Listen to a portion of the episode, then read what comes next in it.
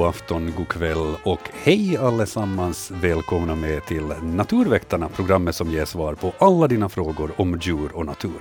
Och har du ingen fråga om djur och natur så tror jag ändå att du kommer att trivas i vårt sällskap. Kvällens experter är Hans Hestbacka och Jörgen Palmgren. Med oss är också Annika Ljungberg och Jonny Aspelin sköter det tekniska i Böle. Mitt namn är Joakim Lax. Hörni, vi har mycket att uppmärksamma idag. Eh, det är den sista torsdagssändningen för den här säsongen, vår 50 säsong till och med. Augusti månad tar slut och lite hur man räknar så blir det ju faktiskt höst här alldeles snart. I alla fall enligt vår tablå. Eh, naturväktarna tackar för den här sommaren, men vi fortsätter sända och svara på era frågor hela året. Men i fortsättningen då första onsdagen i månaden, tills vi är framme i maj månad, då torsdagssändningarna börjar igen. Men det är inte bara det, utan det är också Östersjödagen idag, sista torsdagen i augusti, en dag som vi dels då kan glädja oss över och vårt eh, hemmahav sådär, uppmärksamma det, men det handlar ju också om att öka medvetenheten om vad vi kan göra för att Östersjön ska må bättre. Hur är det, Hans Jörgen, hur mår Östersjön idag? Mm, ja, Östersjön mår dåligt, tyvärr. Och jag rör ju mig i, i det här, den österbottniska skärgården från, från ja, söder om Vasa, Närpes, uh, Korsnäs, Malax. Och jag har aldrig sett en sån kraftig algblomning i, i den här inre och mellersta skärgården som i år. Mm. Vattnet har varit alldeles grågrönt av, av allehanda alger. Plus sen också de här blågröna algerna. Så att eh, nog ser det ju besvärligt ut nu. Mm. Ja. Hur, hur, är det i dina trakter, Jörgen? No, jag har lite, lite annorlunda observationer. Det här är ju bara en liten aspekt av hela Östersjön. Men ja.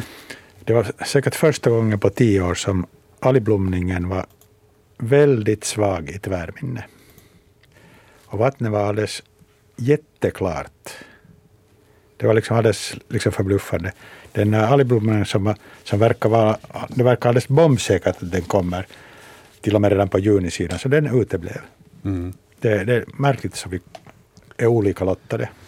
Ja, det är ju bra att Finska viken mår bättre idag än för fem och tio år sedan. Ja, men det var alltså nu första året som det var mm. på det här viset. Att man får nu se hur, hur följande år Precis, ja. blir. Ja. Man ska inte gå ut och säga att vi går mot bättre tider, men, men det är kanske är bra därför att vi har då sådana här eh, tillställningar som Östersjödagen, att vi uppmärksammar det här och gör folk lite mer medvetna om sina beslut. Visst är det det, ja. Och, och, eh, vi kan ju alla, alla bidra till att, att eh, minska på utsläppen i, i Östersjön. Och, och det är ju den enda rätta vägen. Och vi har ju minskat mycket på utsläppen redan eh, överlag runt Östersjön och, och eh, mycket i Finland och, och mera kan vi göra. Och det är förstås den enda väg, tycker jag, som man ska gå därför att eh, vi vill ju vara vid havet, vi, vi trivs vid havet och vi måste ju kunna trivas vid havet. Så att det, eh, vi har ställt till det här och vi kan åtgärda det. Mm. Och bör åtgärda det. Ja, visst. Ja. Eh, Östersjödagen idag, men på lördag så är det ju finska naturens dag, Suomen luonnonpäivä på det andra inhemska. Och det här firas då alltid sista lördagen i augusti, ett par dagar efter Östersjödagen. Och eh, det här är en dag som uppmärksammats sedan 2013, så den är nu, jag tänkte säga ny, men det är den ju inte. Men vi får i alla fall flagga nu på lördag för vår fina natur och uppmanas att gå ut i naturen och i övrigt så är firandet ganska sådär fritt. Men det finns vissa uppmaningar som, som arrangörerna ändå, krafterna bakom det här har. Det är att om man vill trixa till det lite så då är officiella festbakelsen blåbärspaj. Och man får gärna klä sig i vitt och blått då man går ut i naturen. Uh, firandet lever sen speciellt på sociala medier och vi kommer att ha en artikel om det här på lördag morgon. Ni hittar den sen på svenska.yle.fi. Så får ni läsa mer om hur man kan uppmärksamma Finland och uh, finska naturens dag. Uh, klädsel i vitt och blått, då är man ju inte i varje fall kamouflerad. Men hur, hur var det nu med de här blått? Det är en färg som, som vissa djur reagerar på i varje fall.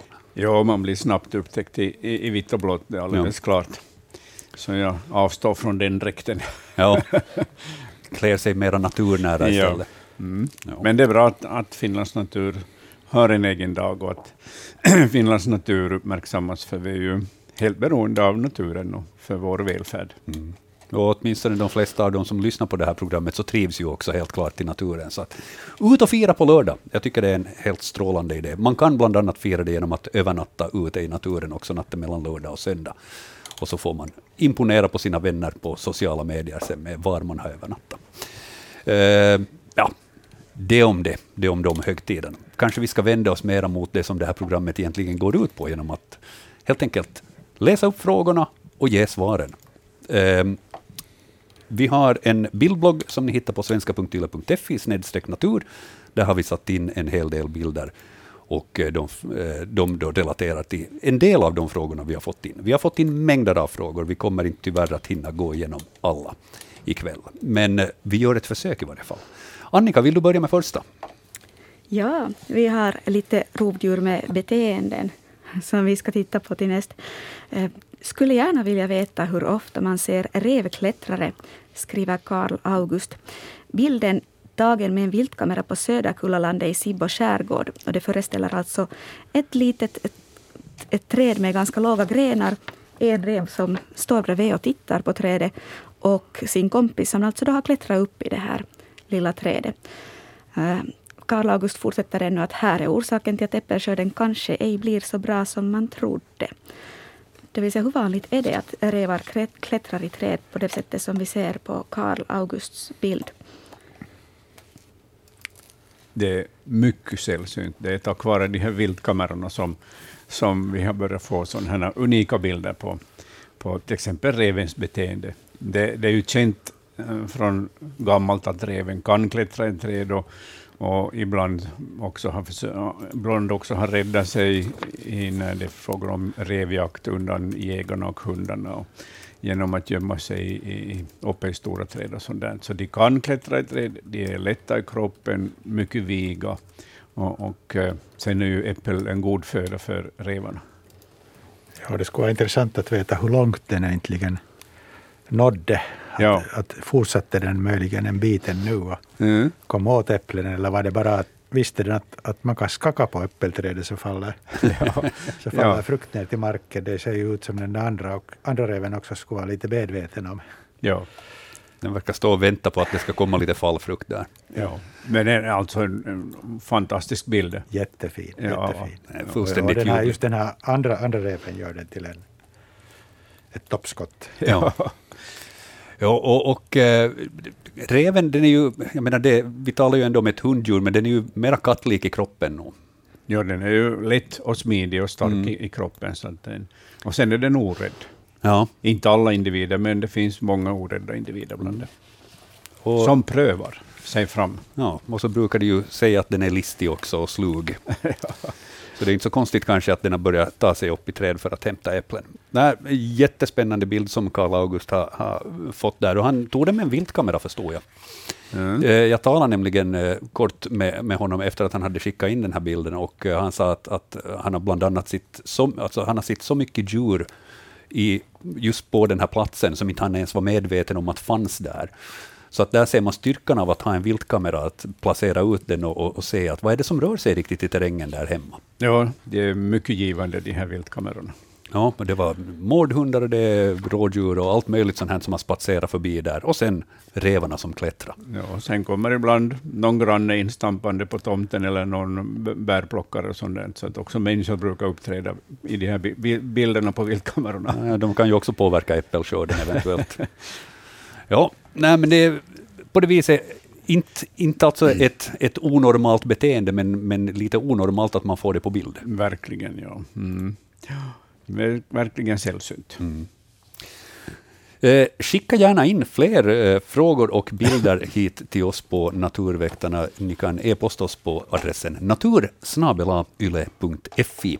Och är det så att ni vill ringa åt oss här under sändningen, då är telefonnummer 0600 11 12 13. Första frågan behandlad, men inga telefonsamtal för tillfället, så jag tycker vi tittar rast vidare på nästa. Vill du ta den också, Annika? Jo, det tar jag gärna. Mm. Eh, Bo skickar en bild som, som för första ögonkastet är lite svårt att se vad det handlar om. Så jag börjar med att läsa Bos meddelande. Ja. Jag satt i Pilokoju, det vill säga ett gömsle, i vik och spanade efter fåglar med kameran. Man ser ofta brunkärrhök och egretthäger. Jag hörde ett enormt plaskande alldeles bredvid. Jag tittade över kanten och såg en and rulla runt i vattnet och tänkte att den badade. När jag insåg vad som var på gång tog jag några bilder med mobilen. Och på bilden ser man alltså då att, att ja, anden, um, anden det där, ligger halvt upp på, på landkanten och det är en mink som, eller någonting liknande som håller den om halsen. Bo fortsätter alltså. Uh, hur ofta tar en mink en simmande and? Minken verkar vara liten och gräsanden ser rätt vuxen ut. Hur vanligt beteende är det här? Jörgen? Jag har aldrig sett det där. Men jag har nog suttit i det samma gömsle flera gånger, men, men inte, inte så länge som de som jag fotograferar. Och det där, jag, kan, jag kan tänka mig att det, där, att det här plasket var, var ordentligt för att en, en and som blir anfallen så kämpar ju sen för livet för att komma loss. Och, men i det här fallet så verkar det som den inte skulle ha någon chans. Ja, minken är nog en sån effektiv jägare, så har den en gång fått ett strup, ja. struptag eller ett nacktag på en fågel så är det färdigt. De, de släpper inte greppet. Ja, just det. Och, och det här Eh, visar ju också hur, hur, effektiv jägare minken är. Och den fångar uh, alltså fåglar underifrån vattnet, så att säga, dyker in under dem och, och, och tar dem i, i halsen eller buken. Och, och det enda rätta med, med, med de här minkarna är att man fångar bort dem och, och avlivar dem. Mm. Men så de, de tar alltså fåglar i vattnet också? Jo, det är jo. inte så att de bara väntar uppe på land? Nej, de, de tar i vattnet, ja. Det, de alltså, det finns minkar som blir specialister på det där att, att dyka, dyka in under, under sjöfågelflockar och plocka åt sig ett byte där. Så att de är mycket skickliga jägare. Mm precis som de är mycket skickliga fiskare också. Så de är allround jägare och fiskare, de här minkarna. Mm. Och så länge det finns fåglar så, så hugger de gärna in på fåglar och sen under vintern så, så håller de sig då till, till fisk och, och groddjur. Ja. Men fågelkött smakar bra för dem. Säkert en spännande stund för, för Bo att sitta och, och följa med det här på så där nära håll och ja, visst, ja. halvt bli skrämd då det plaskar till ordentligt vid gömslet. Och en unik bild det här också. Mm. Mm. Mm, verkligen. Vi har ett samtal på tråden. Vi får säga god afton, välkommen till Naturväktarna. Då ska jag be dig, du som är på tråden där, kan du sänka ljudet på radion så undviker vi rundgång. Så där ja. Utmärkt, tack ska du ha. Ja. Nej, jag skulle ha en sån, sån sak som, jag har en, en villa ute på Petala, eller på Bergafjällen i Petalaxedennan och vi har en hara där och bland annat en hara och så har vi ju de här gåsan där och nå, som jag såg i, i, för två veckor sedan så eh, ett gåspar, grågåspar med sex ungar eh, satt i vassen där och en harra satt och åt vassan la med de ungar. Ja. Alltså, är, är, är det något normalt eller har harran något fel eller, eller gåsan något fel? Nej, inte har de något fel, ingen där, utan, utan eh, de båda, både haren, skogsharen och, och grågåsen vet att, att uh, det här är ingen fiende och vi kan, ja. bra, vi kan bra äta i lag av den här vassen. Så att, och det är ju dessutom en större trygghet också när de sitter i lag och upptäcker fiender snabbare än ensam.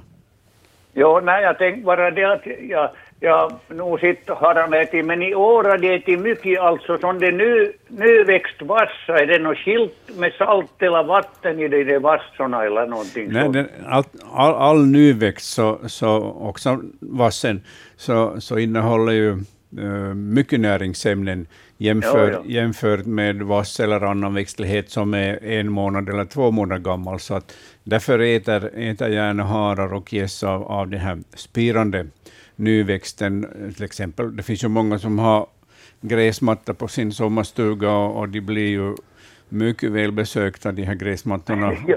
av, av gäss och harar. Jo, jo. Det... No, ja, inte var det något annat, men det var så intressant. Jag Ja, nu sitter det flera år både åt mig, aldrig sitta, de har ätit tillsammans. Ja, nu precis. Fick ja. nu fick jag se det igen. ja, det är ju trevligt. Ja, det är bra. Ja. Bra jobb. Tack för din Hej. fråga. Ha en riktigt skön kväll. Ja. Ja. Tack, hej. Man brukar ju se rådjur som är och betar tillsammans med gäss eller med svanar, eller med både och. Och, och de vet om att, att det här är fredligt gäng eh, i båda hållen. Så att de, de anpassar sig snabbt till varandras uppenbarelser. Vem av de här var det som får bättre skydd av den andra? Var det haren som drog nytta av gässen, eller var det gässen som drog mera nytta av haren? gässen är ju nog otroligt vaksamma, så nog skulle jag säga att haren drar större nytta av det. Mm. Jo. Gömma sig i flocken där helt Mm. enkelt. Ja, intressant iakttagelse tycker jag. Ja. Det är en fråga som inte vi har fått på ett bra tag i varje fall, Nej. någonting liknande. Så att, fortsätt ringa in gärna på 0611 12 13 ifall det är så att ni har någon fråga till Hans eller Jörgen så får ni svar här ikväll. Um, vad hade vi för nästa fråga i bildbloggen? Uh, Vi har fåglar på kommande. ja, nej, men då tittar vi på den. Den första lilla gråa kompisen sitter på taket i en fågelholk och är inskickad av Kristin. Undrar vem fågeln är som hälsade på häromdagen, skriver alltså Kristin i Vasa. Jo, man ser sådär allmänt taget så kan säga om den här fågeln att den är, den är gråbrun, ganska liten, en tätting, en insektsätare, en tunn näbb, har en eh, jämnt eh, gråbrun ovansidan. Okej, man ser lite ljusa spetsar på större täckarna och, och mellersta täckarna och några ljusa fläckar också där i nacken. Så ser man att eh, vingpennorna är väldigt mörka. Stjärten är sådär varken kort eller lång, sådär me- medellång och man ser att det är lite vitt där på, på yttersta kanterna. Och, och buksidan är, är, ljusare grå, och benen är mörka och det är en svartvit flugsnappare och årets unge.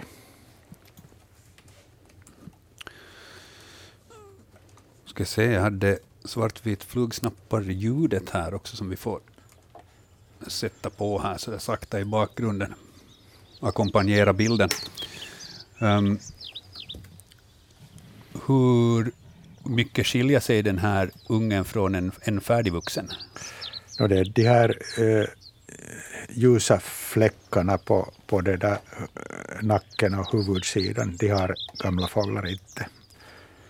Sen om man, ska se det, om man skulle se den och från en lite annan vinkel skulle man kanske kunna skönja andra ålderskännetecken också, men, men det räcker nog för oss det här att den har de här ljusa fläckarna.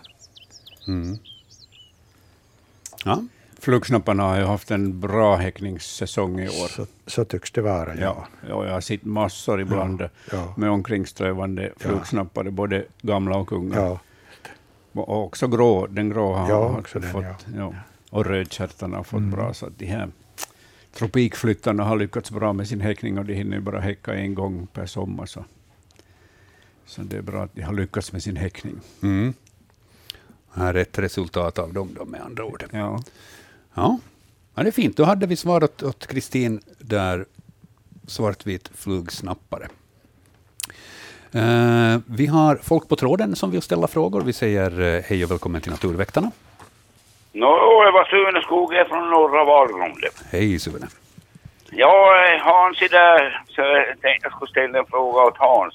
Ja, Så, så då jag var 14 år, jag 69 och då började jag med laxfiske vet du, vid Storsanden ja. Mm. utanför Rönnskär och, och det här. Och, då såg jag en fågel vet du, då, i, i en sån där kärpa där vet du. Och jag kom till att det var en sån där smalnäbbad simsnäppa. Ja. Mm. Och det, det, det var ju rätt så ovanligt under tiden. ja, och är ännu ovanligare idag. Är det här? Ja. Nej, så då, då, då hade jag läraren Edman Lars, vet du, så han trodde ju inte på mig, vet du, så. Ja. Och det här, vi for ju varje vecka dit och sa jag måste komma med en gång och sia, vet du. Ja. Och, och det här, han vet, hon for ju så där runt, runt, runt i cirklar. Ja. Mm. Så det välte riktigt med fart och då så pickade hon i sig sånt där smått och gott och denna och. Men, men det var ju en sån där smalnäbbad simsnäppa. Ja, smalnäbbade simsnäppan har ju hä- häckat i, i långa tider i, i kvarken just eh, på de här yttre skärgårdslanden där det har funnits många vattenpottar och finns fortfarande vattenpottar. Och, och, och just ute i, på, på Storskär har det ju funnits, och Storsanden och sen på Norrskär. Jo, Norrskär vet jag, för jag har ju har ju, vi har, har vi fiskat boston där och vi har ju fiskat boston där och denna så ja. där, där fick jag se häckare på där. Men ja. inte är många. Nej, nej. Och, och, den har nog försvunnit på, på några platser tyvärr från, från skärgården, men, men finns förmodligen på någon plats ännu i yttersta skärgården. Jo. Men jag tror det är mest ute, ute som det har spannet och denna uppåt det yttre. ser man ju aldrig någon gång det ska vara uppe ett fastland. Jo, nej, det är bara under flyttningen man kan se dem, se dem i någon lugnhavsvik eller i någon uh, vattenpott, men, men annars har häckningarna förekommit i yttersta havsband, alltså i, i, på de yttre skären. Dels för att det är öppet landskap och dels för att det finns mycket fjädermyggor där och de, de plockar mycket fjädermyggslarver och vuxna fjädermyggor under sin jo, häckning. Jo, mm. jo. jo det här Kärrimyggen. Kärrimyggen, jo, jo, jo. No, då, vad, är, vad är det jag vill eh, som, äh, säga i det innan? Ja. Men ta, tack nu, hej då. Ja. Hej då. Ja, tack, tack, hej då. Ja, hej. Smalnäbbad simsnäppa. Mm. Ja, den, den har ju en otroligt intressant biologi. Det är ju en liten vadarfågel, en av våra allra minsta vadare. Och, och, eh, där är det honan som är lite större och färggrannare än hannen.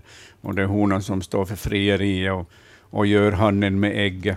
Och, och, när första hannen ligger på ägg så, så raggar hon upp en, en hanne till som hon gör med ägg och som han, han får då ruva fram de här ungarna och, och valla dem. Så att, eh, omfördelade eh, könsroller ja. har de. Precis. Mm. Lite mer modernt upplever jag det. Ja. Kanske. ja. ja. Vi har ett eh, till samtal på tråden. Vi säger god afton, välkommen till Naturväktarna. Jo, jag ringer från Helsingfors. Jag bor nära Centralparken och studerar de här träden här.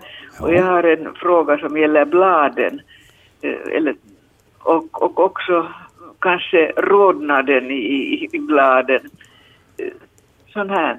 Ja, men låt höra. Vad, är det någonting mer specifikt du tänker? Alltså, jo, eh, det där, jag vandrar här i, i parkvägen och, och när jag kommer till en asp så är, är alla, så är hälften åtminstone, kanske ännu mera av bladen har fallit redan och de, de ligger på parkvägen och jag tycker att de borde nog ha blivit gula först. Har de darrat för mycket eller varför är det så här i år? Tror... Det gäller alltså aspens blad. Ja, jag tror att det har varit för hett och för torrt ja. för dem. Jag, jag instämmer där. Ja. Det, det och, och sen, ja. Det är ju många björkar också som har gulnat och fällt, fällt mycket blad. Och, och, och de har också lidit. Ja, det gör de ju. Ja, de har lidit av, av hettan och torkan. Ja. Jo. Mm. Och, och sen det här att äh, när man ser till exempel vinrankor någonstans så har de redan börjat bli rådna. Alltså jag tycker det har inte ens varit frost här i Helsingfors. Att ha, lever de efter någon sån rytm att det ändå oberoende hur den väderlek det är så börjar de att rådna. Jag tror att den här långa heta sommaren har påverkat de här bladen. Alltså de har, de har snurrat för högvarv, de här bladen, och blivit gamla i förtid. Så jag tror, jag tror nog det, att vi kan skylla på hettan, den långvariga hettan i sommar. Bra. Mm. Jo, tack. Det var allt. Vet du, tack för dina frågor. Ha en riktigt skön kväll.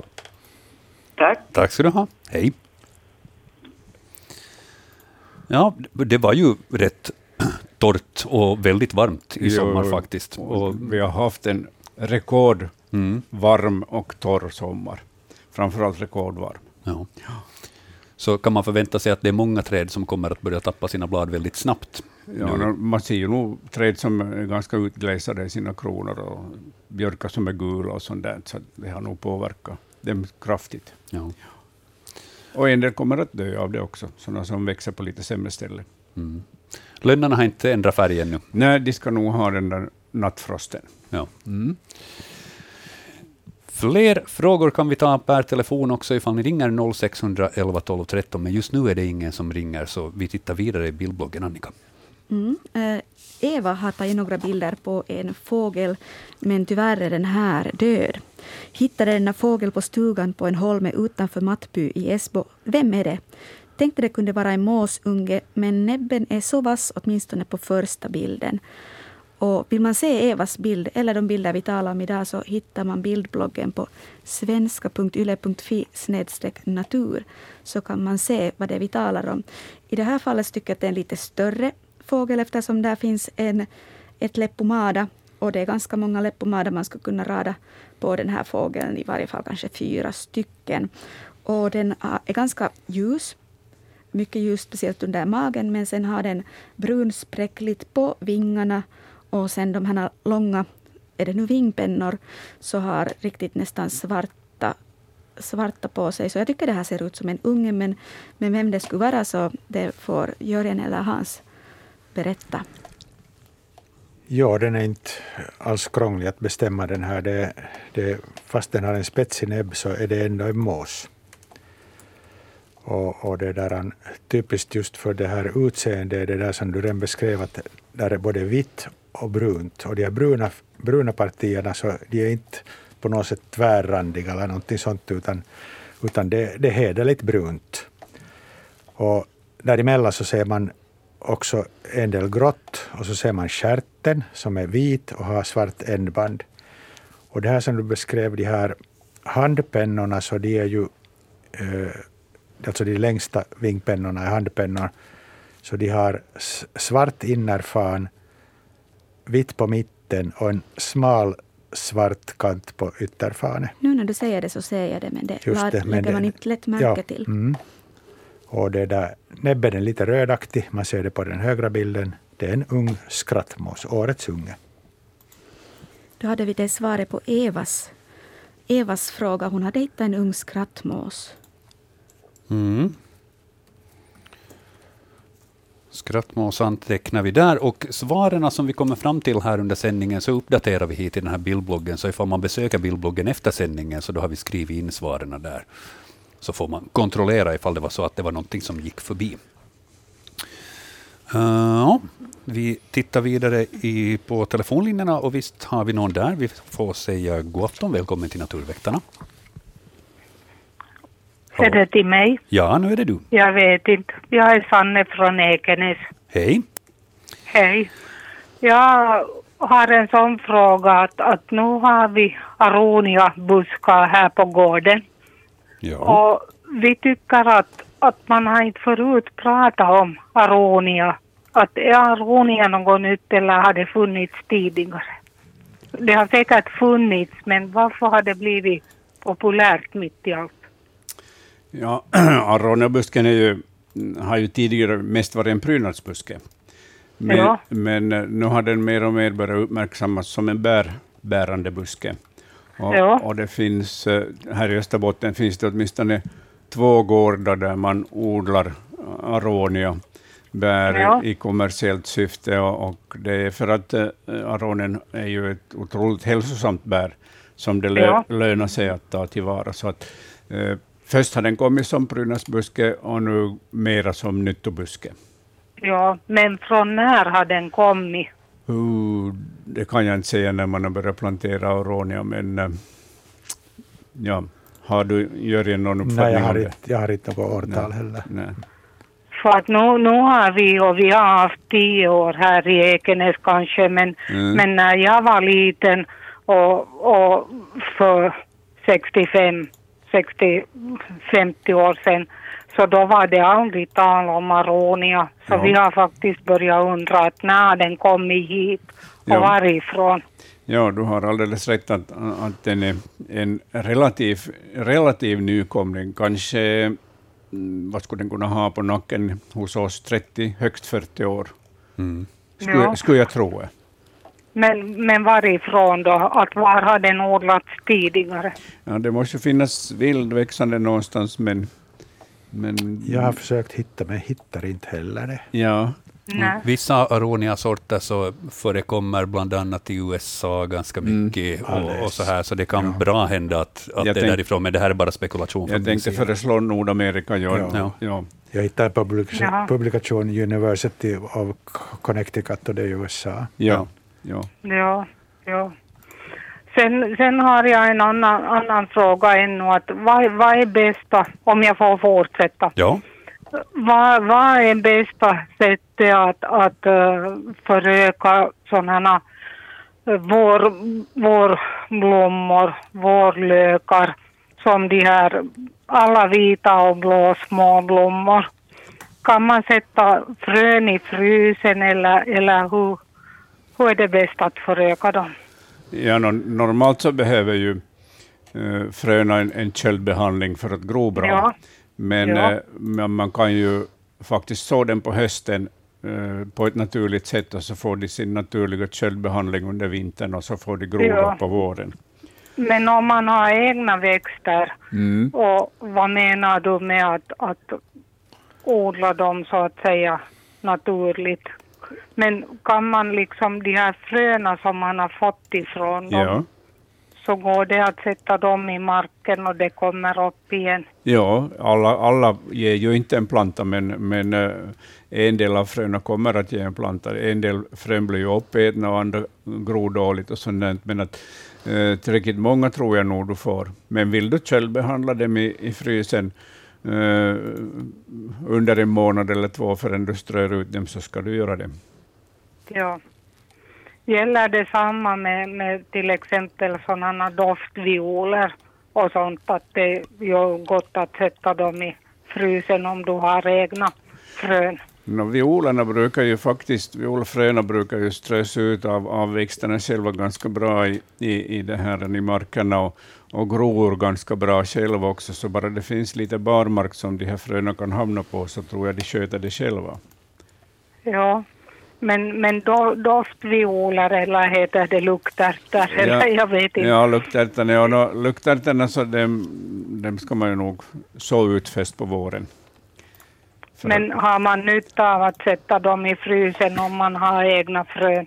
Ja, frysen eller kylskåpet. De båda ger en, en köldbehandling av de här fröna. Kylskåpet räcker? Ja, för en del arter, för att en del arter är inte anpassade till vinter. Du måste kolla upp var deras ursprung finns. Jaha. Om det är från sydligare trakter så räcker med kylskåpet som köldbehandling. Men om det har varit många år egna?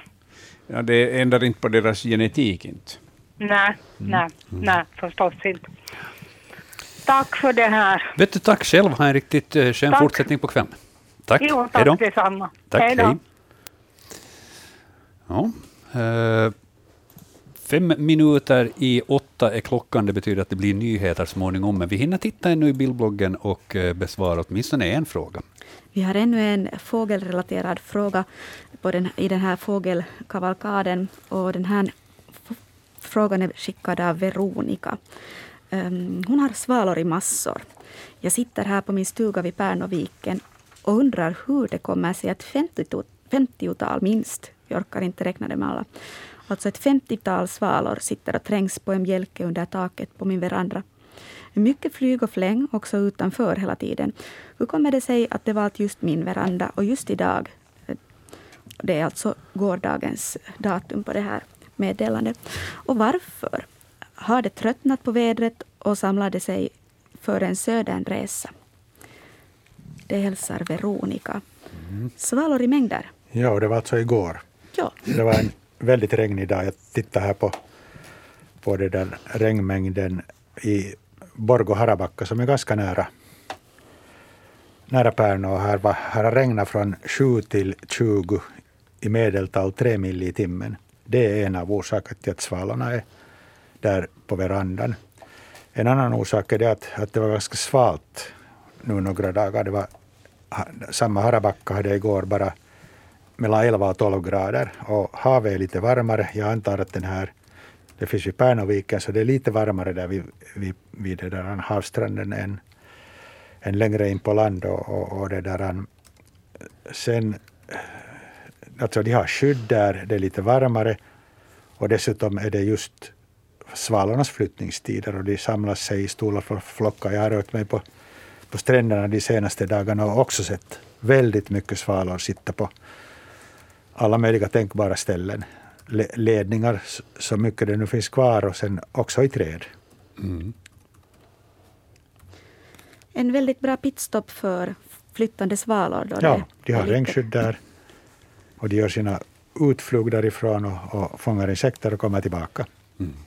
Ja, det här är en härlig sensommarbild med svalor som sitter i regnskydd. Man ser att, att bilden är strimmad av, av, av regn. Eh, inte hårträngd, men regn i alla fall. Inomhus sitter eh, husägaren och, och, och läser nyheterna på datorn mm. eller, eller arbetar vid datorn. Eh, jag tycker det är en skön bild det här. Den är jättefin. Ja, Man ser att svalorna har eh, ljus, ljus magparti och mörka på ryggen, men, men kan man säga närmare vad det är för art? No, det är ju svartvita, det ser man. Mm. Och då borde man kanske, kanske få det förstorat lite, men jag tycker att jag ser både hus och ladusvalor där.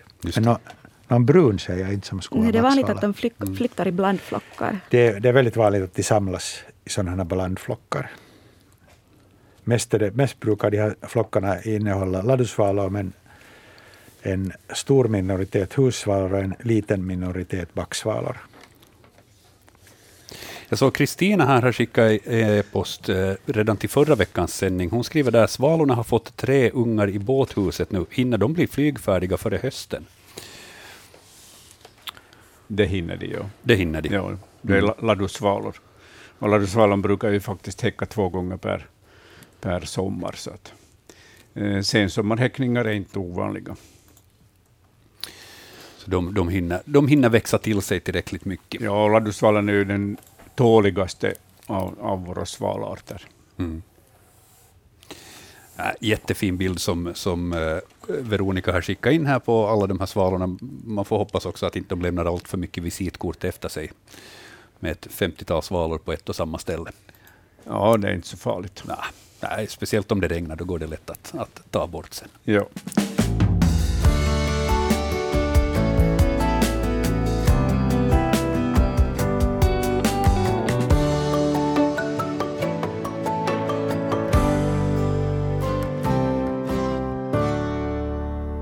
I Naturväktarna ska vi idag lyssna på tionde och sista delen i vår serie om artglädje och biologisk mångfald. Sista delen, då är det dags att fundera på hur klimatförändringen påverkar våra arter. Klimatförändringen är ju inte någonting som bara finns där i framtiden, utan den sker, sker redan nu och den har redan påverkat, påverkat arter, både var de finns och, och när deras olika livsskeenden sker, som till exempel då blomning eller de här fåglarnas flytttidpunkter eller, eller häckning. Och det, det har forskning visat att just att fåglar anländer nu för tiden tidigare till, till Finland, fåglar häckar tidigare, uh, olika växter blommar tidigare och löven spricker ut tidigare. Och sen har också utbredningen förändrats så att en del arter har flyttat sig längre norrut. Endera har hela liksom, äh, artens utbredning som helhet flyttats eller sen expanderar de äh, längre norrut. Och andra arter har igen minskat, dragit sig tillbaka.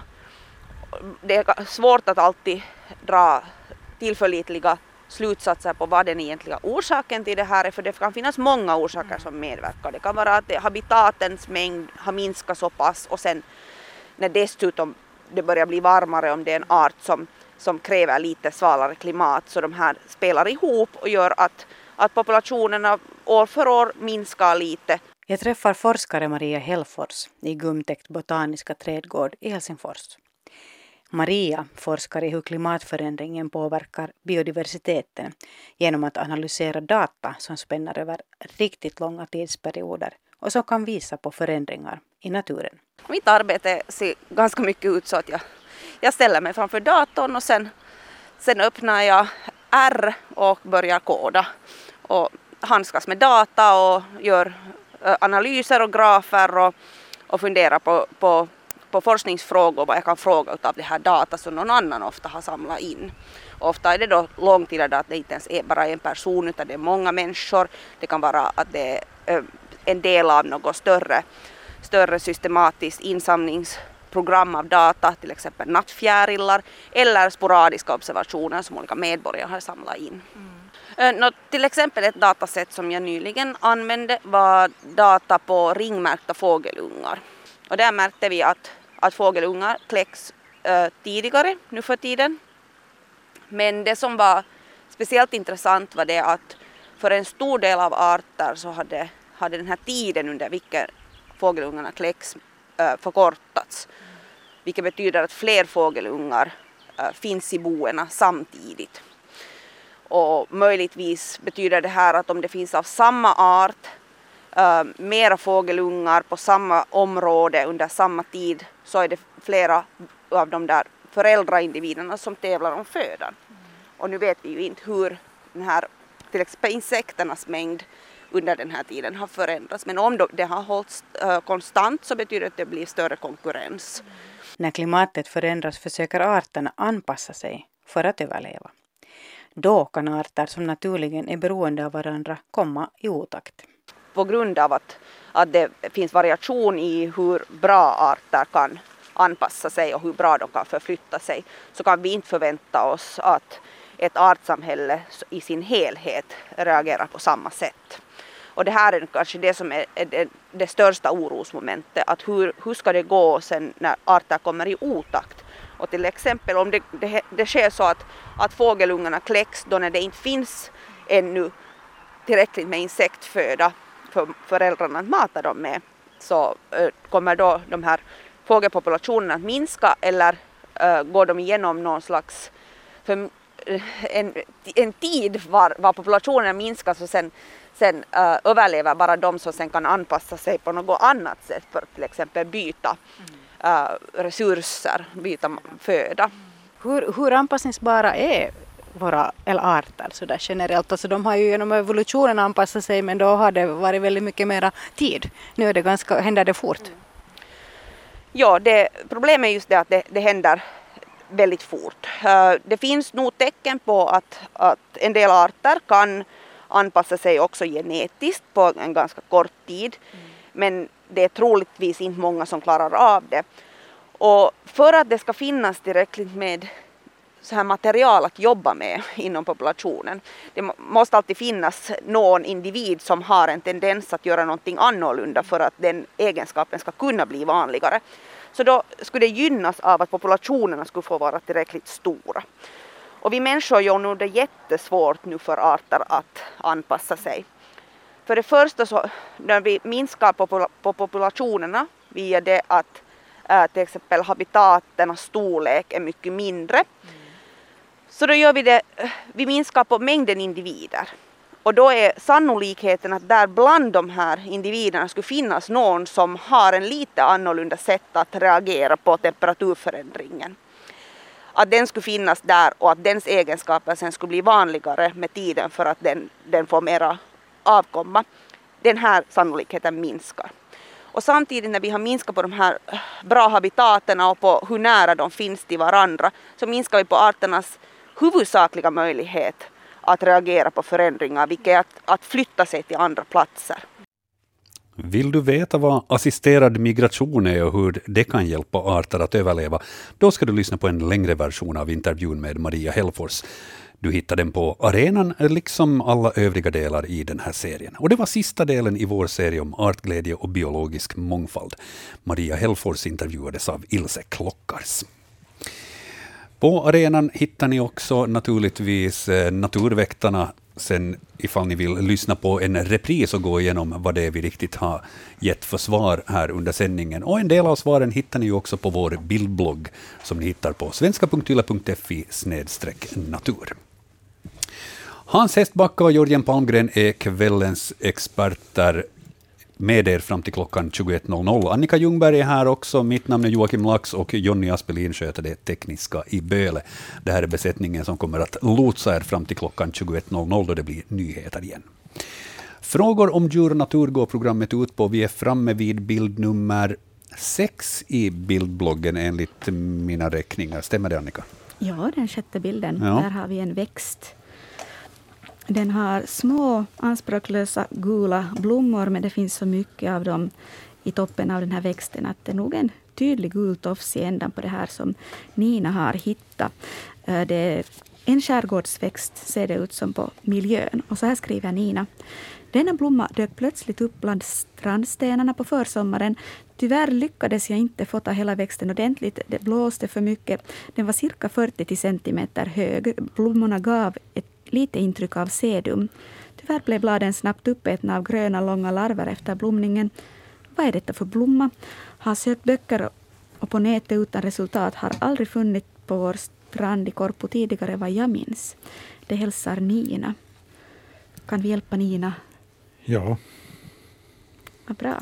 Låt höra. ja, det ska vara nästa fråga. ja, den är, på de här bilderna så har blommorna inte slagit ut riktigt ordentligt. De är, de är alltså gula. Och det blir en sån här ganska...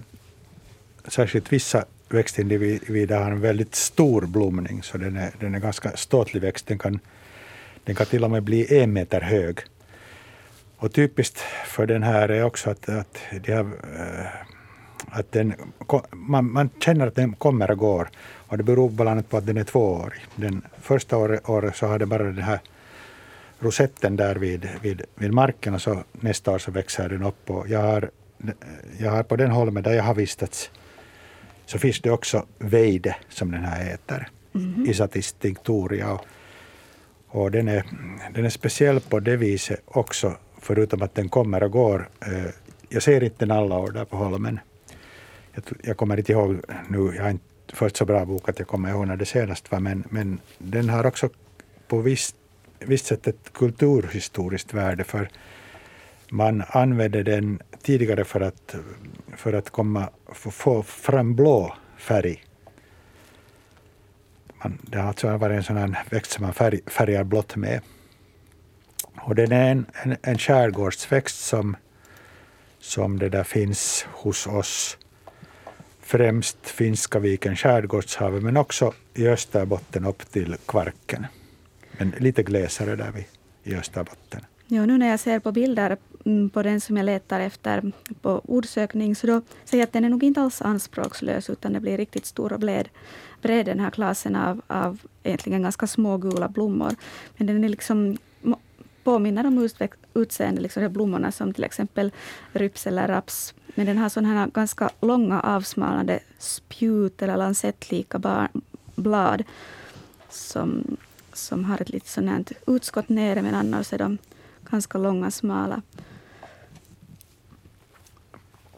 Ja, det här är en, en utskärsväxt i Österbotten också. Och man brukar hitta, hitta ganska stora bestånd vissa år på, på, på det här kala fågelskär, där, där de här fröna har drivit i land och, och grott och, och sen har, har det här, växer ofta i, i, upp i driftbandet vid högvattensgränsen. Ja, minns jag rätt så är det här en östlig art som har hämtats till Östersjön av människan för några hundra år sedan, just för att man ska odla den och, och eh, också naturligt ha den. För eh, av fröna så, så det här, alltså får man en vacker blå färg som, som det här som eh, kallas karolinerblått och, och man mm, under svenska tiden så färgades färdas de här uniformerna just med vejdefrön i blått. Mm. Så den är en intressant växt som, som Jörgen på, um, sa, kulturväxt. Ja. Och vad sa ni, en meter kan den bli ännu? Ja. ja. Mm. Och nu var den 40-50 centimeter på de här bilderna. Ja. Här växer det ju på en ganska klippig och storstenig strand, men sen på sådana ställen där den får växa på, på sandiga stränder med ordentlig driftvall, där kan det vara otroligt täta bestånd av de här vejden.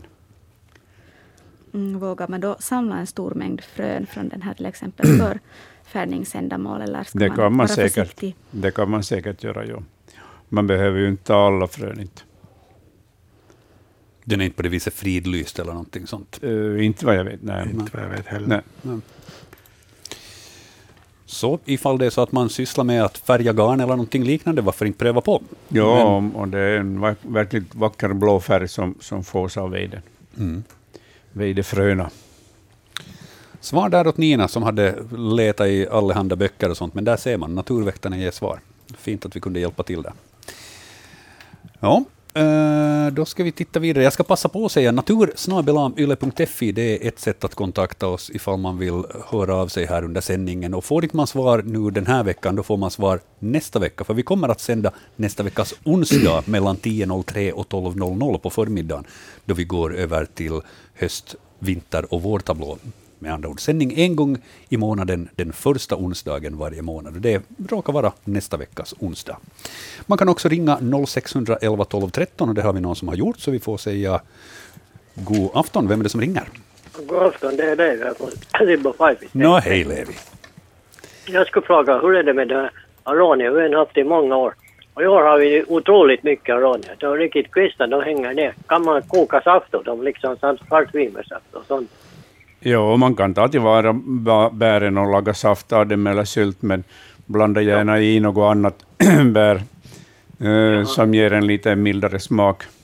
Jo, jo för jag har nog lagat sån här gelé har jag lagat av de här bären då förut. Ja. Mm. Jo, man ska bara blanda in och Ja, man kan det om man, om man vill mildra den här jo. smaken och strävheten. Jo, jo. Men, men att det går utan också. Men jo, socker ska man ha. Det går utan, jo sock, socker ska det vara, inte som i lingon. Där får man inte ha socker i lingon. Det går inte. Det går inte. Då ska det bara vara lingonsmak, tycker du? Det ska ja. bara lingon. Ja, jag håller inte riktigt med dig. Jag vill ha lite socker med.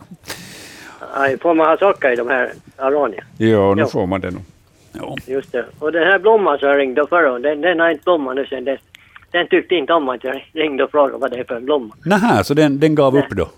Den gav upp ju. Och nu när det regnar bara så, det bör nog bli för mycket av det här goda regnet nu igen. Ja, tydligen.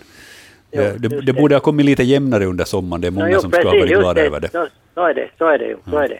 Men man kan ju då, man får ta det som det kommer. Ja, så är det. Så är det. Det blir säkert en regnig sommar nästa sommar. No, jag tror det. det.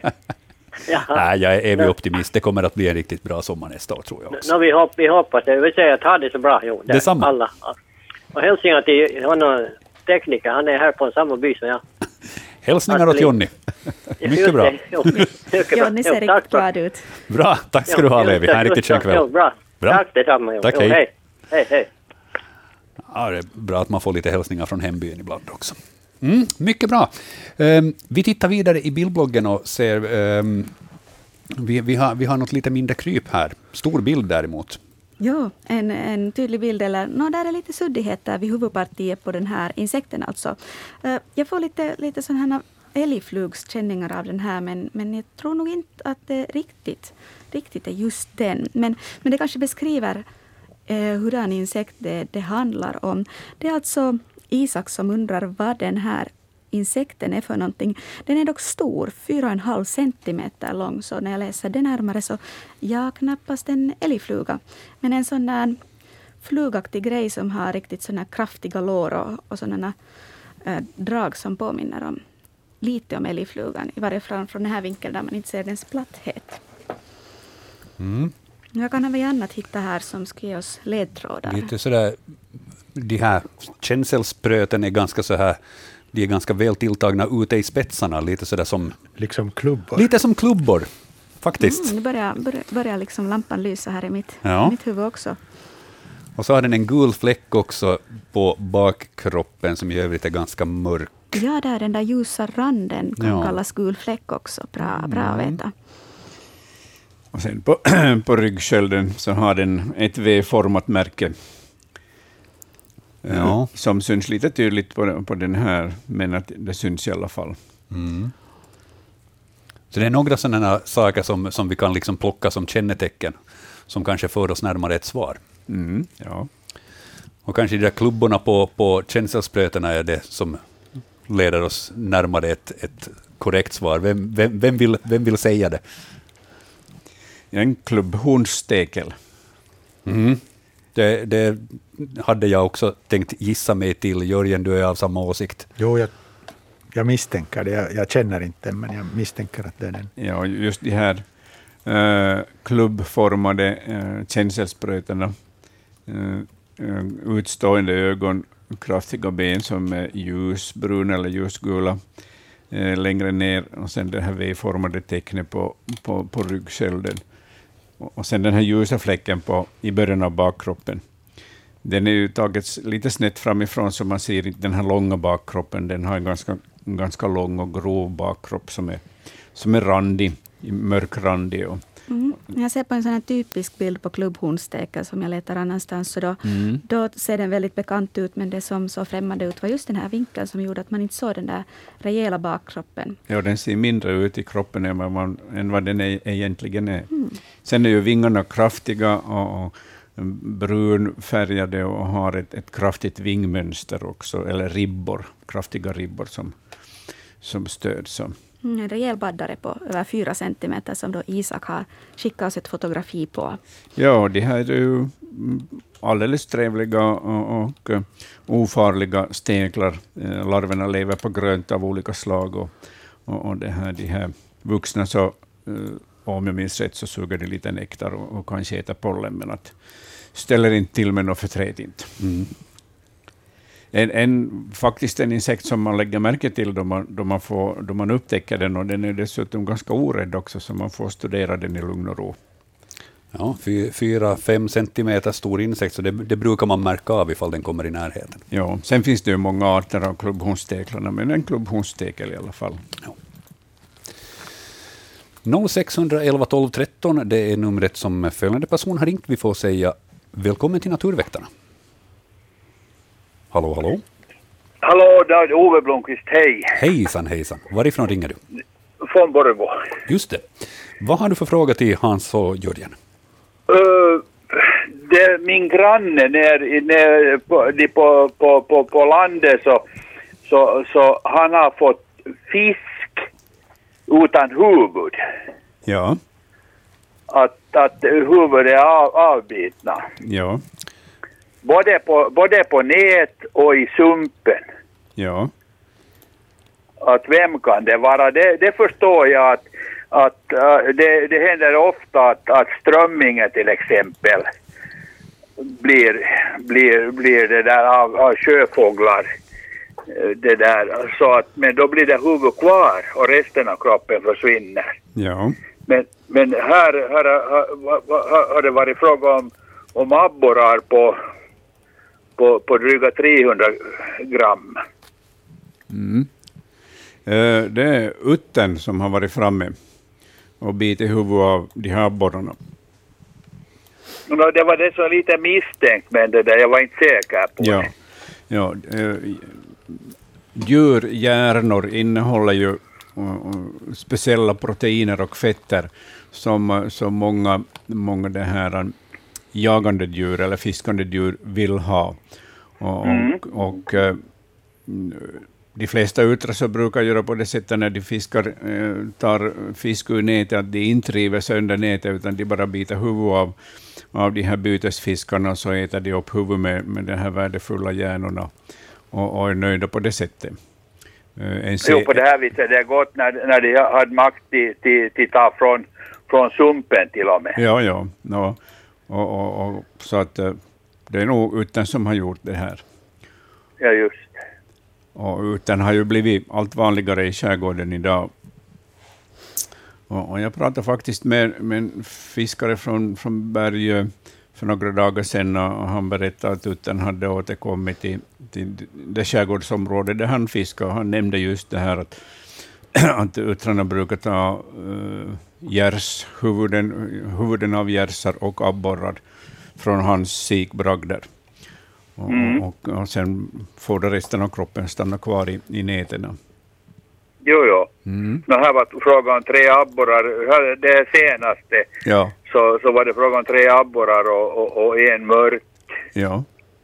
ja, och när rutten börjar äta så brukar den nästan alltid börja, börja från huvudändan. Så att om, om den blir mätt förrän den har ätit upp hela fisken så blir kärt, kärtbiten kvar på stranden eller iskanten. Jo, jo. Mm. Det är dess huvudrätt kan man säga. Det är dess huvudrätt, ja. ja, just ja. no, det fanns någon av grannarna som hade, hade, hade sett en utter där. Ja. Men jag har inte själv aldrig sett något utter där. Inte. Ja, men den finns säkert i området. Det finns säkert i, Ja. i, i Pärnoviken. Jo, det finns det. Mm. Nå men, tack för mig. Vet du, tack för en intressant fråga och ha en riktigt skön kväll. Detsamma. Bra, tack, hej. Tack, hej. Den är, den är så pass slug så att den, liksom, den, den riskerar inte att fastna varken i nät eller i sumpar eller någonting liknande, utan när den är Nej, ute. Och, det, det är ju klart, nog, någon individ så stryker ju med i fiskebragdar också, men normalt gör de det inte. De är ganska försiktiga av sig. ja, det ska man nog vara ifall man simmar på det där viset i närheten av nät och, Mm. Och ska försöka nappa. Men den, den alltså under vattnet, den tar inte loss fisken överhuvudtaget, Nej, utan under vattnet så biter Ja, den av huvudet. Och, Den förstår att de sitter fast där i, i, i bragden och, och biter bara huvudet av dem, de här Mm. fiskarna. Får sig en, ett bra huvudmål. Ja, ja. ja, ja.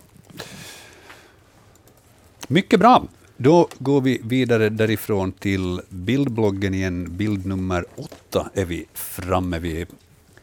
En bild som jag tyckte var ett ganska rejält mysterium, men vi satt och diskuterade igenom den här och, och har förhoppningsvis ett svar och kanske Jörgen också har något, något tankar där. Annika, kanske du kan läsa frågan? Ja, det är Sanna som har skriv, skickat bild på en, en mystisk hög som då antagligen är avföring, också på basis av den här texten. Det vill säga under upptäcktsresa till norra och södra Savolax hittades spillning i Pieksämäki vid en insjö. Hade regnat strax innan. Tändaren på bilden är 7,5 centimeter hög och är 2,1 centimeter bred. Togs med som storleksjämförelse. Vems är spillningen? är alltså Sannas fråga. Och det är nog en rejäl hög som, som det där an, behöver många, många det där an, tändare för att stapla den här högen ovanpå den. Men det där an, som bäst är, är väl en, en korv sådär två tändare bred och en, en tändare långt ungefär. Mhm. Eller vad skulle ni säga? Hur stort djur är det det handlar om? Man kan först tycker jag försöka tolka det här innehållet. Jo, den, den har mycket olika nyanser av, av mörkare brunt och, och riktigt rödaktig brun, sån här vinrödaktig. Jo, riktigt Ja. orange. Och sen Ja. ser det nog ut som det här rödaktiga är, är bär eller kärnor av något slag. Och, och är det till och med gräs som är inblandad där i avföringen eller är det, är det någonting som regn- regnet har blandat in i det här? Det säkert ser annorlunda ut just på grund av att det har regnat på den här högen. Va, vad säger du annat, Jörgen, som, som jag, ger oss jag, jag ledtrådar? misstänker till exempel att det här orangea skulle kunna vara rönnbärsrester. Mm, låter troligt. Men vad det där eh, lila fröna är så det vågar jag mig inte på. Men Alltså jag hans- börjar tänka på granatäppel när jag ser Jag, jag dem tänkte där. precis Ah, säga granatäpple, tänkte jag också, men, men tänkte att men det är långsökt. Vad har hans för ledtrådar att, att gå de, efter? de här röda, så, som, det är ju skal av något bär. Eh, kru, eh, röda vinbär. Mm. Sen finns det förstås eh, tranbär. Omogna tranbär skulle passa bra in här. Vad är det med krusbär? Är de för, Krusbär, små krusbär i så fall. Eh, och lingon. ah, just. Ja, ja, och när Mm. innanmätet av, av bäret så att säga har försvunnit och det är mera bara skalet kvar, så Mm. blir det mera sådana här vitlöksklyft-liknande. Ja, men det skulle faktiskt kunna vara omogna tranbär. Ja.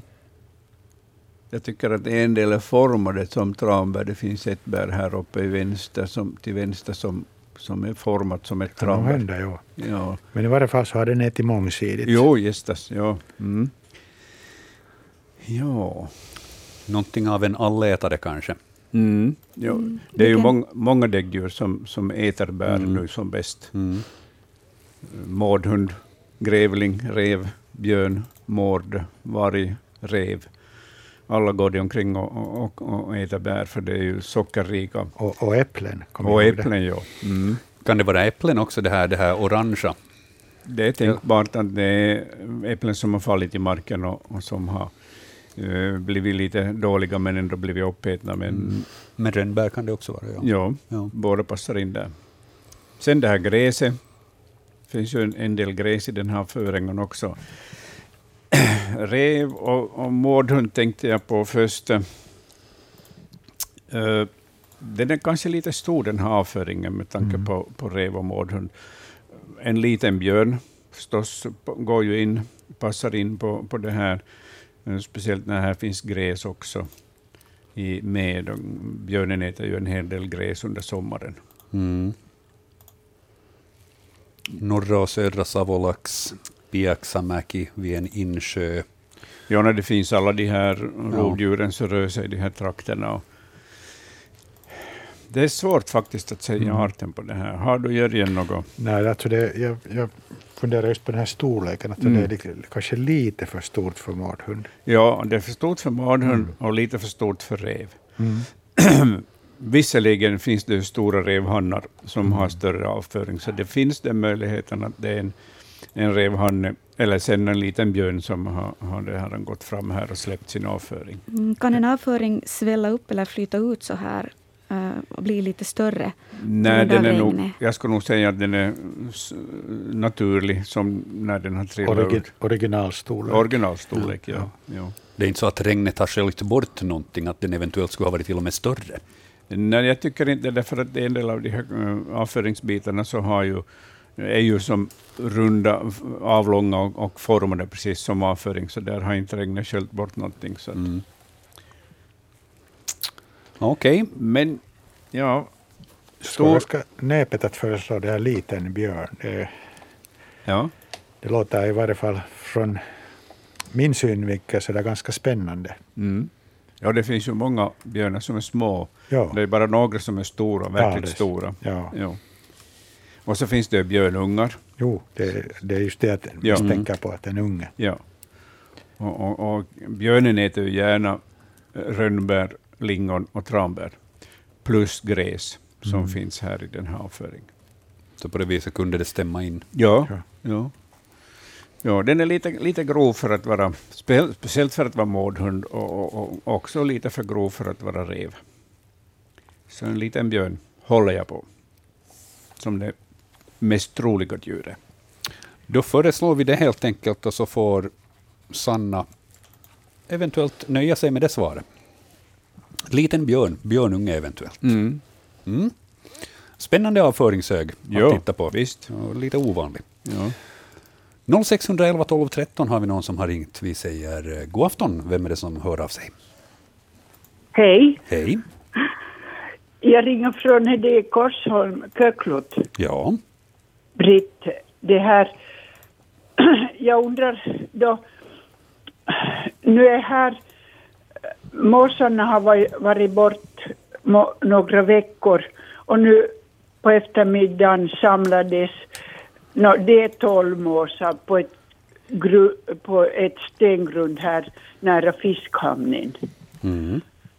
Att är det eh, måsar då som har ungar som nu ska flytta eller för måsarna har ju farit för några veckor tillbaka. Vad skulle du säga Jörgen? No, uh, måsar finns nog kvar ännu men de, de, de de har ett annat uppträdande än tidigare på sommaren. Jag har... No, de har inte varit här nu på Nej, flera just det, veckor. De, ja, det är alltså de, de, de, de, de måsar som jag ser i skärgården. Senast för några dagar sedan så, så var fiskmåsar som sitter på, på olika skär ganska långt ute i skärgården. Ja, det här är in, in Ja, just det. Och de, alltså de, de finns där och de är där för att byta sin fjäderdräkt.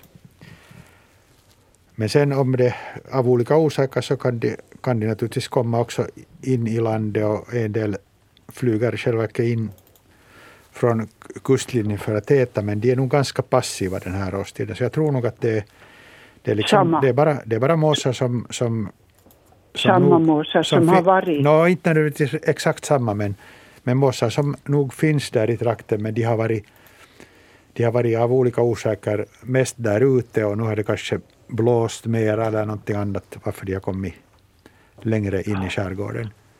Ja, då det, det har minskat så här att jag, här har varit varje dag under sommaren var ju det havsön ja. och flög här över fast ja.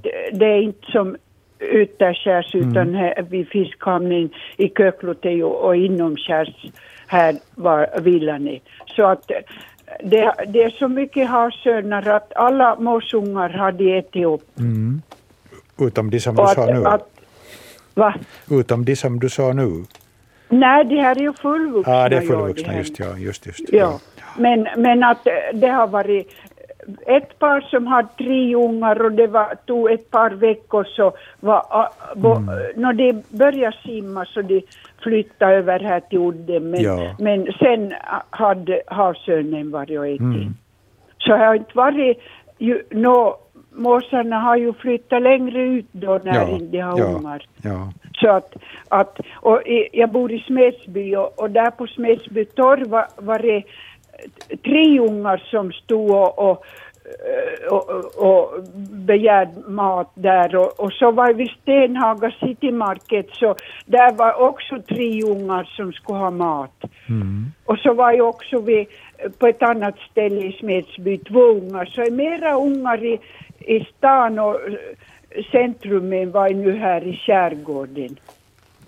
Lite mer skyddad tillvaro. Det är tråkigt att då inte man tycker om havsörn som nu får de vara men att de, de ska inte komma ett äh, av måsar som man nu har här för att ha sällskap. Mm. De här måsarna. Så att det är tråkigt tycker jag för att nu är de i centrum där och, och i mars var, var jag ute och gick, då var nio havsörnar flög där i en ring och de skulle ha passat till flyg över Stormossen, mm. tror jag. Eller lite från centrum i Smedsby. Men de flög i en ring, nio, och vi var två som räknade dem. De var åtta i en ring och så var en som var utanför. Ja, jag I mars, jag har själv eller också april.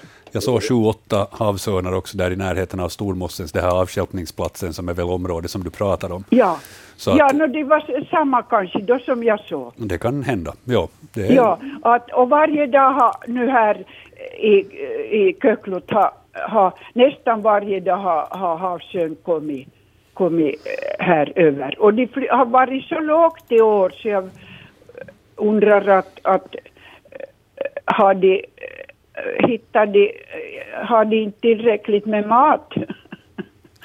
När det är så lågt nu har de varit här i sommar. Att de, att, att de flyger speciellt lågt? Lågt, ja, så har ja. jag märkt. Ja. Men att man skulle ju inte veta om dem så bra om inte måsarna ger, ger eh, tecken. Ja, de varnar ju synnerligen aggressivt. Ja, men jag, jag tycker inte, jag har inte tyckte om i första början de här hav, att de äter måsarna som, måsungar som inte kan, kan eh, klara, eller som kan, inte kan, måsen kan inte hjälpa då om havsörn kommer. Så att det har ju ökat mycket havsörn här. Det har den. Så, men jag, jag funderar bara på de där måsarna just när de var så många nu. Och de, var så, de satt alla en och en på, på var sten men nu då blev solen gick ner så nu är de på två stora stenar alla. Mm. Mm. Det är en tolv stycken så att jag måste ta kikare och, och kolla att det inte var skarv. Mm. Ja. Så de har varit bort så länge men de, nu, var, nu är de här så jag tänkte bara att, att är det just ungar som har blivit större nu och, och, och är flyttfärdiga. Ja, om de är vita allihopa så är det vuxna fåglar ja. som, som är eh, minst två, no, två år gamla, om inte tre, fyra. Ja, lite bru, brunaktiga ja, en del. Som, ja, det kan finnas någon årsunge med där, ja. Ja. ja havsö, havsörnarna har inte ätit upp alla ungar. Mm. Tack och lov. Mm. Du får fortsätta att följa med måsarna där. Tack för det. Trevligt program. Tack för din fråga. Ha en riktigt skön kväll där i Köklot. Tack detsamma. Tack. Hej. Hej. Ja, i Köklot och Värlaxtrakten där jag har sommarstuga, man, man ser ofta havsörn nog varje gång man tar sig ut dit och ifall man spanar upp i skyarna, så, så det är rätt tätt med havsörn där nog. Ja, ja man ser nog havsörn varje dag man är ute i skärgården. Ja. En eller flera. Men fiskmås tycker jag man också ser väldigt jo, mycket Jo, det finns nog mycket fiskmås. Fiskmåsen blir ju gammal, 20 år. 30 år till och med och, och hinner under sin livstid få några unga på vingarna i alla fall. Mm. Så ingen, ingen större fara? Nej, men jag förstår, hon tycker om att se på fiskmåsarna när de sköter om, matar sina ungar och sånt där, när ja, ungarna växer upp, men att eh, jag gillar både havsörnar och, och fiskmåsar. Precis, och så får man bara helt enkelt följa med. Ja. Jag tycker lika som Hans. Vi skriver alla under det där, tror jag. Ja. Mycket bra. Eh, 20 minuter har vi kvar ungefär av det här programmet den här gången. Vi ska titta vidare i bildbloggen, eh, bild nummer 9. Då är det en lite yngre förmåga som har hört av sig. Annika? Mm, Alva har hittat ett spår i naturen från djur. Det spår vi tidigare talade om var avföring, men nu är det ett skelett, eller i varje fall ryggrad. Och, och ja, är det skallben vi ser där i ena änden. Uh, skelettet hittades på en ö i Sibbo yttre skärgård, hälsar Alva. Vad ser vi på bilden? Det är um, kanske en, ett mossigt ställe. Lite svårt att avgöra storlek. Är det här någonting som är riktigt stort eller riktigt smått? Det ser ut som den är ganska liten. En hel del ryggkotor på rag. Och, 20. Ja, och längst bak är det någonting som ser ut som någon, någon klump i baken som som tyder på att, att, att där är någon, no, någon fortsättning som saknas. En liten klump i ena änden och en stor klump i andra änden som då skulle kunna vara skallen. Vad tror ni för det första, Jörgen och, och Hans, hur stort djur handlar det om? Eller hur, hur långt skulle det här skelettet nu kunna vara? Eller den här långa stycket ryggrad? Nu kan det vara att djurets längd är 1,50. Det kan vara. Ja, jättesvårt att säga på den här växtligheten. Mm. Det är mossor, men det ser nog också ganska risaktigt ut. Att är de här mossorna något smått eller riktigt grova bitar av vitmossa då? Vad tror du Hans på, om Jag tror att, att, att, det här skelettet är högst en meter långt. Ah, du tycker på en meter, okej. Okay. Jag tycker mm. om man jämför med mossan som, ja. som uh, ju är liten till växten så, så är det ett relativt uh, litet djur det här. Den är lite oskarp den här bilden, så därför mm. är det mm. lite, lite svårt att, att se några talbar eller andra klassiska ja. måttstockar ja. som vi brukar leta efter. Ja. Och sen skulle det vara skojigt att kunna se vänstra änden på det här i detalj. Och varför inte också högra änden i detalj? Att, vad, vad, ser man, vad är det riktigt? Mm. Ja. Är det någon, någon del av höftben som vi ser där längst till vänster? Då? Nej, till höger. Ja, till höger. Mm, tycker jag. Mm, jag skulle säga det, skallen. Nej, skallen är där till vänster. Jaha. Mm, de här kotornas, kotornas formgivning skulle kunna ge oss en vink på åt vilket håll, vilket är fram och bak. Kan man se på det? Jag tänkte också att det till höger skulle vara på något vis skalle. Det var bara sådär min vilda gissning, men mm. Men visst, det blir att tänka om. Har du Anders någon närmare gissning på vilken slags djurgrupp Hans eller, Hans eller Jörgen? Jo, jag tänkte också att jag bara stanna. Vad var det jag riktigt sa? Men jag tittade på lite rygg, ryggkotebilder. Men Hans var det jag tänkte på. Uh, ja, jag tycker faktiskt att det är övre delen av skallen som, mm. som syns till höger i bild. Okay. Okay. Ja, och, och uh, sen väldigt stora ögonhålor. Uh, det enda djur som jag nu kommer att tänka på det är en östersjövikare. Mm. En kut, en, eller en ung, ett ungt djur, en kut alltså, som har dött på stranden och blivit uppäten. Mm. Jag kan inte få det där den där breda benbiten till någon annat än övre delen av en skalle. Jag börjar fundera på att vad kan annat ge vink om, om den här riktningen så att säga. Så kotorna blir liksom större när vi går mot höger, vilket brukar vara mer typiskt för, för halsen, tycker jag. Mm. Uh, vad tänkte du, Jörgen, på Tänkte du på något skilt? Jag tänkte att det är någon fågel. mina tankar går ju ofta till fåglar. Ja, mm, ja. Mm. Ja. Men inte kan jag, inte kan jag säga liksom någonting starkt emot det där som du föreslår att det skulle kunna vara en vikare. Mm. Det dör, dör ju en hel del sälar mm. uh, i, i havsbandet ja. och på utskären och, och um, havsörnar brukar ju, speciellt om det är en ung säl, så sliter ja. de upp den på stranden och så blir det ju alldeles ren ätna av havsörn och rev.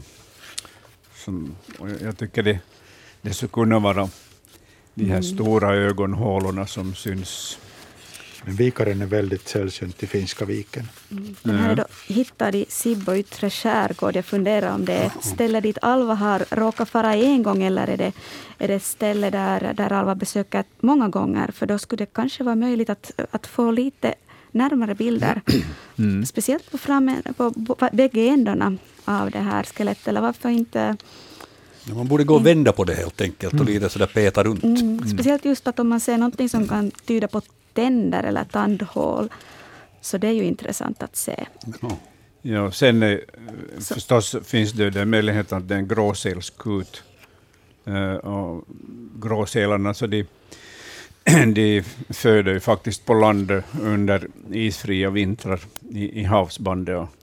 Så det är mycket möjligt att det kan vara en gråsälskut som mm. som vars skelett vi ser här på bild. Nu ska vi måste säga som så att ifall, ifall Alva har möjlighet att besöka, besöka det här stället igen, så varför inte peta till det här skelettet lite och titta runt sig, att finns det några andra delar i närheten och, och, och eventuellt ta en bild från en annan vinkel. Ja, och vänd på det här som jag tror är skalle. Ja. Men nu får man få ta andra änden också. Jo, det får man också. Hellre för mycket bilder än för lite bilder. Ja. Fler ja. bilder helt enkelt, så kanske vi kommer närmare och sanningen. Mått, måttstock gärna. Precis, någonting bredvid i bild som gör det lättare att bestämma hur stort det här egentligen är. Ja.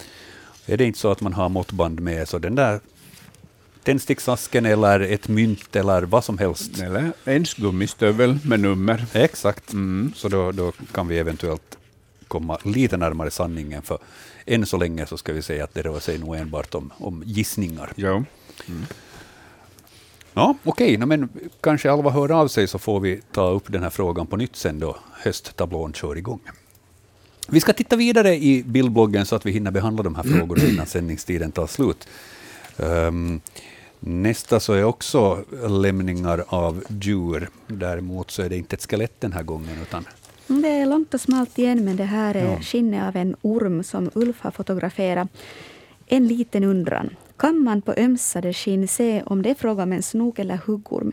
Det finns gott om bägge runt vår stuga i Hitis skärgård, det frågar Ulf och har skickat in två bilder. Uh, den ena har ett måttband som är utdraget på 10, 20, 30, 40, 50 centimeter. Och, och det där, um, men då är det här skinnet inte riktigt rakt utan, utan gör sådana S-kurvor men sen kan det ju också vara lite uttöjt då då det här har ömsats, så över en halv meter lång har det här djuret antagligen varit. Man ser den avsvalnade svansen i den ändan som så att säga kommer neråt, närmare fotografen. Men det som då har varit huvudändan så ser man inte så väldigt tydligt. Nej, det försvinner, in under, en, det försvinner det, in under en sten. Det fortsätter liksom ännu ja, det är 20, sant. 20 centimeter från måttbandet. Ja. in dit i hålan. Så det är väl någon som har, har krupit, krupit där i hålan. Jag skulle säga att det är 80 cent där minst. Mm. Ja. Mm. Men det, det, kan vara mera till och med. En stor orm. Ja, och gärna skulle, skulle det bra att kunna ha ett foto på den andra änden som man inte ser. Mm. Men då måste man lite peta fram det därifrån. Men jag tror att vi klarar det här ändå. Ja, vad är det du går, går efter för ja, kännetecken? Du, du berättade att det var en smal svans. Ja, det är smal sant. och lång svans. Det har vi talat om. Och jag tror nog att det till och med räcker i det här fallet. Alltså längden och avsmalnande svans räcker till att gissa att det är en snok. Mm. Men om man då skulle ha huvudet också och kunna se lite närmare på det, vad är det man skulle se för skillnader där mellan snok och huggorm?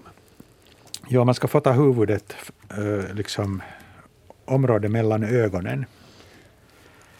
Och man ser där ögonhålorna och så ser man hos snoken tre stora plattor mellan ögonen. Var det tre eller var det fyra? Jag tror att det var tre. Tre stycken. Ja, och sen huggormen har några stora och många små plattor där mellan ögonen. Så de ser mm. nog väldigt olika ut.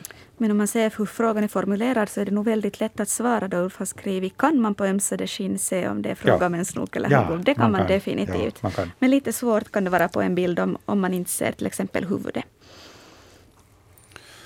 Så det, det, är liksom det säkraste kännetecknet. Det är ju inte så att något, något huggormsmönster blir kvar på det ömsade skinnet. Mera sällan. Sen fanns det nog en artkännetecken också där eh, någonstans i, i, i det där anusöppningen, hur de där plattorna är där, men det kommer jag inte ihåg nu. Inte. Nej. Men det syns inte heller på nej. det viset på den här bilden. Men, men, men i, i det här fallet så den här avsmalnande svansen och, eh, och eh, längden. Så, längden och så skulle man, ifall man skulle se huvudet så skulle man ja. se stora plattor och då skulle man 100 procent kunna säga det här är en snok. Det kan man göra redan nu också, utan huvudet, utgår jag ifrån. Det var mycket som talade för snok här tidigare redan. så. Men där, där, där är ungefär svaret åt Ulf. Det är de här sakerna man kan titta på. Och eh,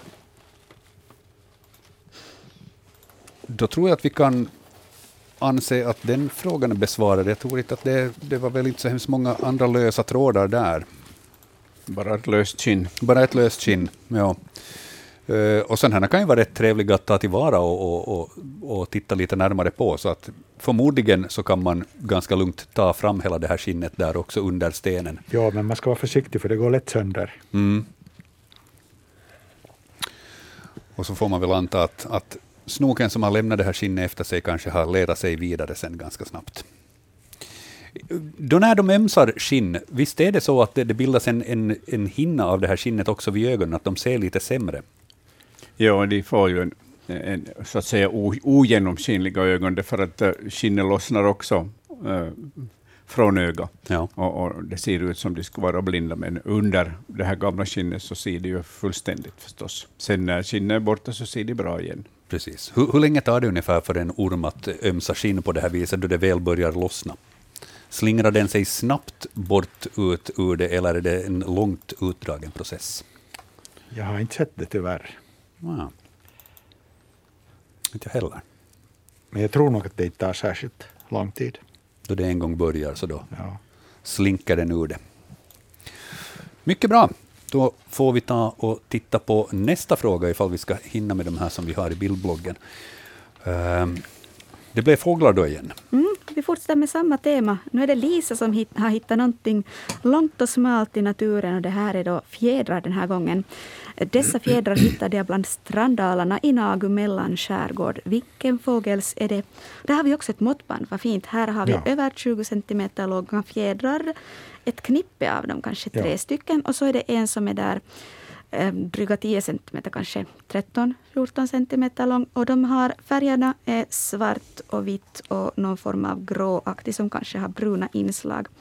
Och då så är de här, det här knippet med lång, längre fjädrar riktigt sådana som jag skulle kalla typiska vingpennor. Ja, hand, handpennor kan man precisera det. Ännu. Ja, de där yttersta det, det, alltså som har handpennor. Vingspetsen, ja. Och där så ser man en, en grov mittdel som är, är vit och, och det där vad heter den här fjäderstammen? Ytter och innerfan. Ja.